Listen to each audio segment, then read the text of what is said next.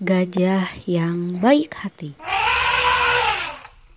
Ada seekor gajah, tubuhnya tinggi, besar, dan gemuk. Belalainya sangat panjang dan kuat. Sepasang gadingnya besar dan kokoh. Gajah itu sangat baik hati. Ia selalu memberikan pertolongan kepada mereka yang kesusahan, baik binatang yang besar maupun binatang kecil, seperti tikus dan semut. Pada suatu hari, gajah berkeliling hutan dan bertemu dengan harimau yang sedang kesakitan karena terkena pohon yang jatuh. Gajah, gajah, tolong aku. Kata harimau menahan rasa sakit. Mendengar teriakan harimau, gajah itu langsung mengangkat pohon yang menghimpit tubuh harimau dengan belalainya. Terima kasih kawan, seandainya kamu tidak segera datang menolongku, Mungkin aku sudah mati karena tertindih pohon yang sangat besar. Ucap harimau. Sama-sama, kita hidup memang harus saling menolong. Ucap gajah. Meskipun gajah memiliki kelebihan dari binatang lainnya, tetapi gajah tetap rendah hati. Ia tidak menyombongkan diri.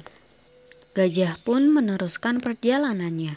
Tidak jauh dari tempat harimau, ia bertemu seekor kancil yang sedang asyik menikmati mentimun di kebun petani. Perutku sekarang sudah kenyang. Aku harus segera mencari air untuk minum. Gumam kancil. Si kancil segera meninggalkan kebun itu. Ia berjalan ke arah sungai untuk minum. Setelah berjalan sampai di sungai, ia tidak mendapatkan air sedikit pun.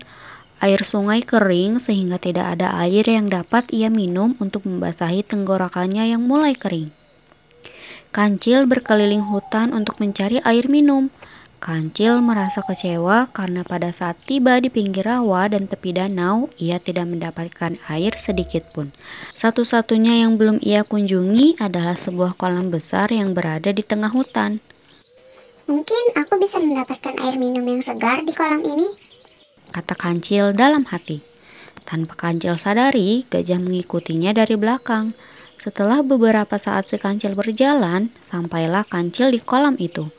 Sayang sekali, karena musim kemarau, air kolam surut dan terkumpul di tengah-tengah.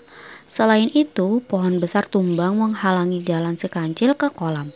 Kancil terlihat sedih, wajahnya muram karena tidak bisa mencapai pusat kolam. Gajah yang melihat hal tersebut menghampiri kancil. Tubuhnya yang tinggi bisa melewati batang pohon yang tumbang. Lalu dengan belalainya yang panjang, ia bisa mencapai air kolam. Ia hirup air kolam melalui belalainya, kemudian ia semprotkan untuk menghujani si kancil yang kehausan.